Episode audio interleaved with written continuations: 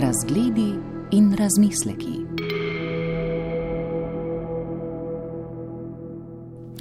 Zora del Bono, lepo pozdravljeni. Kako ste dobili idejo za knjigo? Kaj vas je privedlo k poglabljanju v družinsko zgodovino? Kdaj ste odkrili, da je tako zanimiva? Um, I must say that I had the idea already before I was a writer.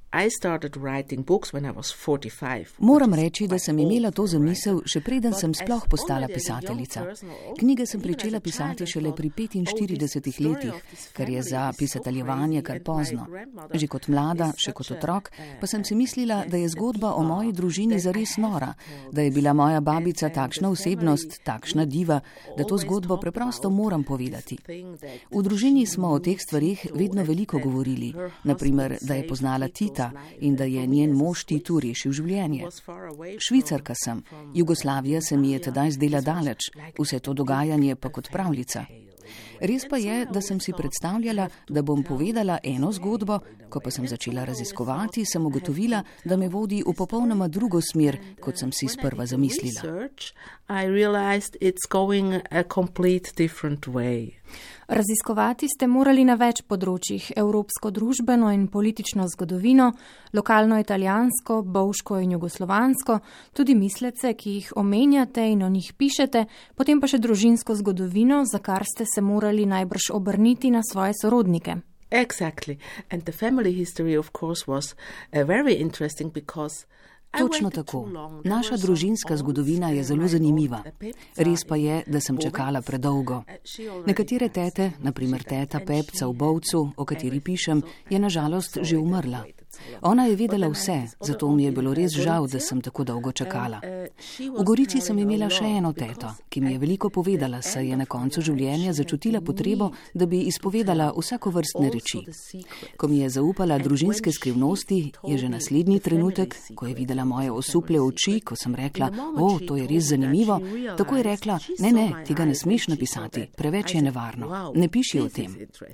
A seveda, Kot je nekdo izda skrivnosti, skrivnosti so vedno zanimive, zato pa so skrivnosti. Potem sem se začela v to temo poglabljati. Potovala sem po vseh krajih, o katerih pišem. Glavni del se odvija v Italiji, v Bariju, v Apuliji, pa v Stiki na Siciliji. To je bil včasih zaporniški otok, tam je bil moj praded župan in zgodba zadeva tudi politiko. A hiša v Bariju, kjer sem tudi jaz nekaj časa odraščala, je srce zgodbe. Hiša je prežeta z babičinim hrepenenjem. Moja babica je bila slovenka, odraščala je v Bovcu, ob Soči. Vedno je govorila o Soči, pa o tamkajšnji dobri hrani, o avstrijskih jedeh. Um, uh, Vaš roman je na nek način tudi roman o 20. stoletju, ki je bilo seveda bojišče različnih ideologij. Kako ste karmarili med njimi po tem terenu, ki je lahko zelo spolzak? It's interesting because for me as a Swiss, we didn't have war for I don't know since 1291, so we are always just watching the wars. Zanimivo se mi zdi. Švicarka sem in vojne nismo imeli že od leta 1291. Vojne vedno samo gledamo, kako se dogajajo okrog nas in Švica z vojnami drugih ljudi dobro služi. Zavedala sem se, da pišem o ljudeh, ki so doživeli prvo svetovno vojno, ki jih je spremenila, pa drugo svetovno vojno, ki se jih je prav tako dotaknila zelo osebno. Pred štirimi tedni, bi rekla, je bila zame moja knjiga drugačna knjiga, kot je zdaj, zaradi vojne, ki se nam zdaj dogaja v Evropi. Spremenila je moj pogled na politiko. Vedno se mi je zdelo čudno, kako sta moja stara starša zjutraj sedela v posteli z veliko časopisja in kavo in roglički in se pogovarjala o politiki. Potem so ju obiskali njuni prijatelji, ki so bili komunisti, tako kot ona dva. On, moj dedek, je bil italijan, ona je bila slovenka. On je bil znan zdravnik, veliko je zaslužil, ona pa je njegov denar zapravljala ampak bila je komunistka.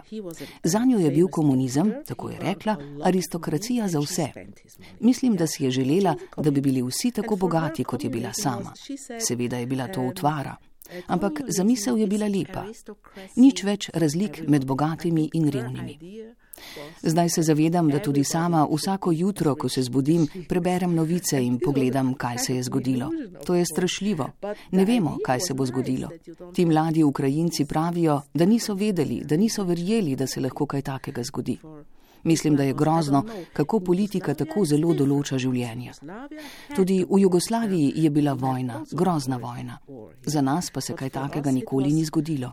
Videli bomo, kaj sledi in kako bomo takrat o tem pisali. Jugoslavija je tema, ki je pri nas še vedno zelo politično obremenjena čustveno zaznamovana, če se tako izrazim, od jugonostalgije do demonizacije tistega obdobja, globoke delitve med komunisti in bodi si katoliki, bodi si kapitalisti. Gre za delitve, ki so politično še vedno zelo sporne, ki jih tudi uporabljajo v populistične namene. Kot švicarka ste o teh temah najbrž pisali lažje, saj ste od njih bolj odmaknjeni.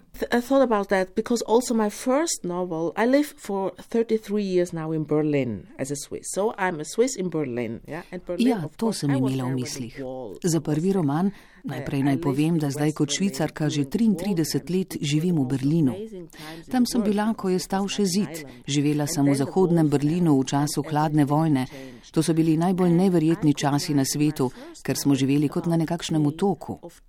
Potem pa je zid padal in vse se je spremenilo. V prvem romanu sem torej lahko pisala o bolečini Nemcev in nemških otrok, ki so nosili breme krivde, saj so bili nacisti njihovi starši in stari starši, tudi starši mojih prijateljev. Seveda so se tudi njihovi otroci počutili krive pred ostalim svetom. Jaz kot švicarka pa sem se lahko poglobila v to, kaj pomeni, ko so tvoji lastni starši na napačni strani, ko niso junaki, niso na pravi strani. Tukaj je podobno s partizani. Vedno so nam rekli, da so bili rešitelji, junaki, najboljši, a tudi oni so počeli grozne stvari. Moja babica ne bi nikdar verjela, da bi lahko obstajalo kaj takega, kot je bil goli otok, pa ne njen Tito. Za njo je bil to dober človek. Poznala je zgodbe o tem, da se je morda moral koga znebiti, a česa takega ne bi nikoli verjela. Poskušala sem prodreti v dušo teh ljudi in začutiti, kaj je to za nje pomenilo. Na koncu življenja se je moja babica počutila tudi krivo zaradi različnih stvari, ki jih je naredila. Vprašanje je, ali vsaj del krivde nosimo vsi, ali vsaj ali bi krivdo morali čutiti. Zdaj veliko govorimo o vojni v Ukrajini, a hkrati ljudje še vedno umirajo, ko prihajajo iz Libije v čovnih, pa za nje nikomor ni mar. Morali bi se počutiti krive, ker zapiramo meje Evrope, to moramo ohranjati pred očmi in seveda o tem tudi pisati. We should feel guilty when we close these borders from Europe. And so, of course, we have to deal with all of that and um, write about it. Vaš roman je družinski roman. Se vam zdi, da je ta v zadnjih letih spet bolj priljubljen, da smo morda na točki refleksije, premisleka, kaj nas je kot družbo pripeljalo do trenutka, v katerem smo? Yeah, but I think the family novel always existed. I mean, Thomas Mann wrote family novels 100 years ago and he couldn't go back. Ja, ampak mislim, da je družinski roman vedno obstajal. Thomas Mann je pred stoletji pisal družinske romane in se zaradi njih ni mogel več vrniti v Libek, ker so bili nanj vsi jezni. Družinski roman je vedno tvegano početje. Spravite v težave z družino. Mislim tudi, da mora preteči nekaj časa. Ne moraš o dogodkih pisati takoj, ko se zgodijo. Treba jih je premisliti, reflektirati. Treba je počakati, da vidiš, kaj sledi. Prebrala sem nekaj romanov pisateljev in pisateljic v Švici in Nemčiji, ki prihajajo z območja nekdanje Jugoslavije, iz Hrvaške, Srbije. Tudi oni pišajo družinske romane in tudi oni so se morali najprej odmakniti od vojne. Niso začeli pisati kar v 90-ih, ampak pozneje, ker moraš stvari premisliti in premleti. Tudi ljudje pričnejo govoriti šele poznaje, bolj kot pa takoj potem, ko se nekaj zgodi. Družinski roman je najbrž povezan z razvojem psihoanalize, potovanje v lastno dušo, zavedanje, da je tisto, kar se je zgodilo tvoji družini, povezano tudi s tabo, da je to, kar počneš, povezano tudi s tvojimi otroki. Mislim, da gre za sodoben način razmišljanja. Um, I think it's also modern thinking, a modern way of thinking. Mark Wallin je napisal knjigo z naslovom Ni se začelo s teboj o transgeneracijski travmi, torej o tem, kako se travma prenaša iz ene generacije v drugo in to ne samo na psihološki ravni. Študije so pokazale celo, da se zapiše v gene. That's that's what I also read. It's written in the genes, and this means really, and that's what my first book was really about. To sem prebrala tudi jaz. Travma se zapiše v gene. O tem je govorila moja prva knjiga. 17 milijonov Nemcev je, ko so prišli Rusi, ko je bilo konec vojne, iz vzhodne Prusije in Šlezije zbežalo v zahodno Nemčijo. Zahodni Nemci pa jih tam niso hoteli. Drug drugega so obtoževali, ne, vi ste bili nacisti. Seveda pa so bili nacisti oboji. 17 milijonov ljudi je doživelo traumatično izkušnjo izgube svojega doma. Kaj to pomeni za naslednjo generacijo? Da bodo čutili občutek izgube, brezdomnosti. Zdaj lahko o tem govorimo v zvezi z Ukrajino. Kaj bo z vsemi temi ljudmi? Se bodo lahko vrnili? Ne vemo še. Ali bodo morali ostati nekje drugje v Evropi in se svojemu domu zavedno odreči? Če se travma zapiše v gene, bo to na nje gotovo vplivalo. Tudi vaša naslednja knjiga je družinski roman. Thinking about two kind of books. The one book is that I would like, because I wrote also a book about the oldest trees in the world. I did a travel book with my dog. I went to the. Pravzaprav načrtujem dve knjigi.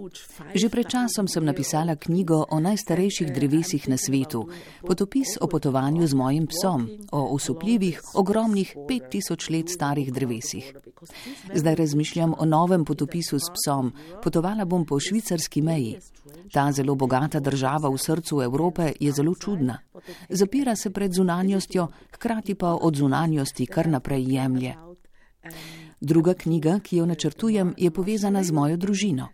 Moj oče je v 50-ih prišel v Švico, pobegnil je pred svojo materjo, mojo babico, maršalinjo, ki je bila zelo močna osebnost. Hotel je živeti po svoje, potem pa je umrl že zelo mlad, pri 33 letih. Nikoli ga nisem spoznala. Takrat sem bila stara 8 mesecev.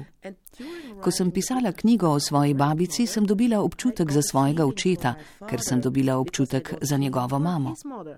Moja nova knjiga bo postavljena v 50. in 60. leta, a ne z njim v glavni vlogi. Rada bi pisala o ženskah, ki se niso nikdar poročile.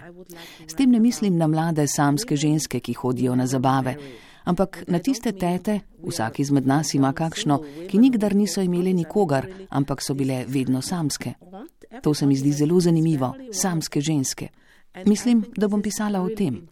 Švica v 50-ih, 60-ih, moj oče in ena izmed teh žensk, moja teta.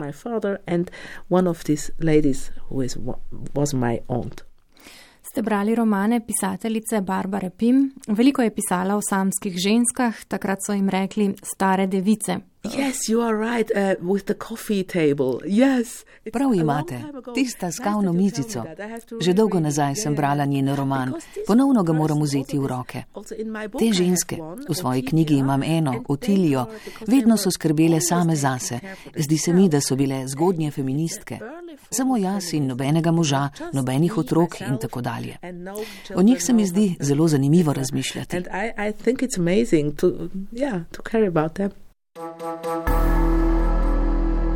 Razgledi in razmisleki.